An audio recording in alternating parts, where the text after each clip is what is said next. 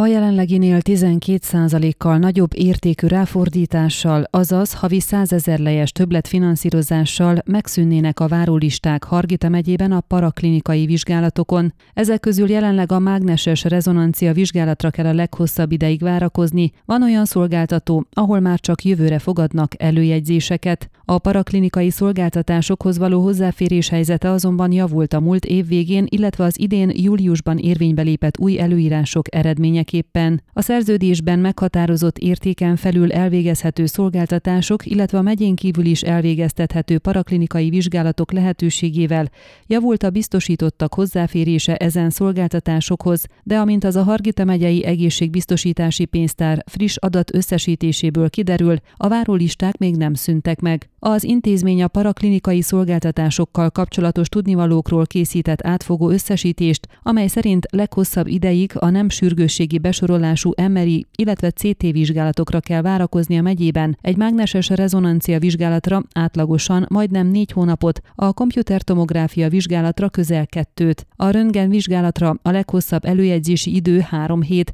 de van, ahol nem kell várakozzon a paciens. Az egészségbiztosítási pénztár adatai szerint Hargita megye havonta 736.198 lejt kap paraklinikai szolgáltatásokra az országos egészségbiztosítási alapból.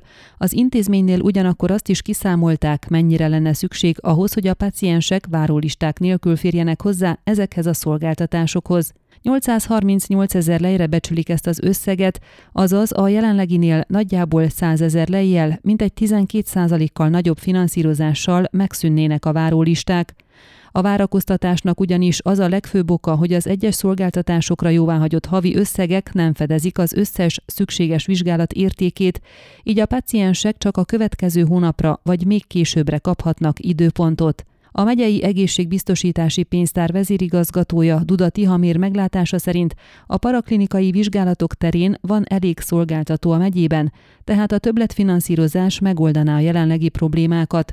A megoldás az, hogy kicsivel több pénz kellene, és akkor a meglévő szolgáltatók minden gond nélkül el tudnák látni a feladatot. E téren nem azzal a folyamattal állunk szemben, mint a háziorvosi rendszer esetében, hogy csökken a szolgáltatók száma és nem elégségesek, akár területi megoszlásban sem, hanem a finanszírozás nem elégséges. Ha a laborokat vesszük ezekből, minden nagyobb városban van a megyében, de több laboratóriumnak a kisebb helységekben is vannak kirendeltségei, ahol bizonyos szolgáltatásokat elvégeznek, most most már lassan van CT is minden nagyobb városban, és MRI is van kettő, igaz, hogy csak Csíkszeredában. De erre ritkábban van szükség, és ha valakinek át kell jönnie mondjuk Székelyudvarhelyről, az nem olyan nagy erőfeszítés. Örvendenénk, ha ott is lenne, és szerintem lesz is nem sokára. Végzett egy gyors helyzetértékelést Duda Tihamér. Ezzel kapcsolatban ugyanakkor arra is kitért, hogy a Gyergyó Szent Miklósi Kórház egy CT-vel gazdagodott a közelmúltban, megkaptak már minden szükséges engedélyt, és be is üzemelték a berendezést,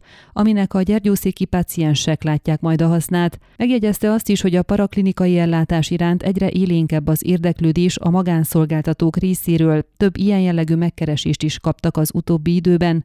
A javuló lehetőségek kapcsán a megyei egészségbiztosítási pénztár vezérigazgatója arra is emlékeztetett, hogy múlt évvége óta a paraklinikai vizsgálatokra kapott küldőpapírokat a páciensek más megyékben is érvényesíthetik. Ez hasznos lehetőség például akkor is, ha abban a megyében, ahol lakik, hosszabbak a várólisták az adott szolgáltatásra, mint egy szomszédos megyében. Duda Tihamir ugyanakkor azt is hangsúlyozta, hogy július 1 -e óta a leszerződött havi értéket meghaladó költségeket is elszámolják a szolgáltatók számára bizonyos esetekben. Ez érvényes a 40. életévüket betöltöttek egészségügyi állapotának a felmérésére irányuló vizsgálatokra is, amelyre háziorvosi konzultáció során kapnak küldőpapírt. A koronavírusos megbetegedésen átesett páciensek utólag szükséges vizsgálatainak a finanszírozása is ebbe a kategóriába tartozik, akár csak számos krónikus megbetegedés periódikus felméréséhez, utánkövetéséhez szükséges vizsgálati finanszírozása. Függetlenül attól, hogy van forrása vagy nincs arra a vizsgálatra mondjuk a laboratóriumnak, el kell azt végezze, és a leszerződött érték fölött elszámolhatja a költséget. Ez egy jó lehetőség arra, hogy rövidítsük a várólistákat, magyarázta Duda Tihamér. A paraklinikai vizsgálatok közé tartoznak a hematológiai, biokémiai, immunológiai és mikrobiológiai laborvizsgálatok, a képalkotó diagnosztikai eljárások, például a hagyományos röntgenvizsgálat, de a CT, illetve MRI vizsgálat is, az elektrokardiográfiás vizsgálat és más diagnosztikai eljárások, illetve a nukleáris medicina vizsgálatai. Ezek a biztosítottak számára ingyenesen biztosított szolgáltatások, a laborvizsgálatokra szóló küldőpapírok 30 napig érvényesek, a krónikus betegségek, illetve szövettani vizsgálatok esetében azonban 90 napig érvényesíthetők a küldőpapírok. A Hargita megyei egészségbiztosítási pénztár 19 paraklinikai vizsgálatot végző szolgáltatóval áll szerződéses viszonyban, köztük két háziorvos is van, ugyanis az új keretszerződés értelmében a háziorvosok EKG vizsgálatokat is végezhetnek rendelőikben. Ön a Székelyhon aktuális podcastjét hallgatta. Amennyiben nem akar lemaradni a régió életéről a jövőben sem, akkor iratkozzon fel a csatornára, vagy keresse podcast műsorainkat a székelyhon.pro portálon.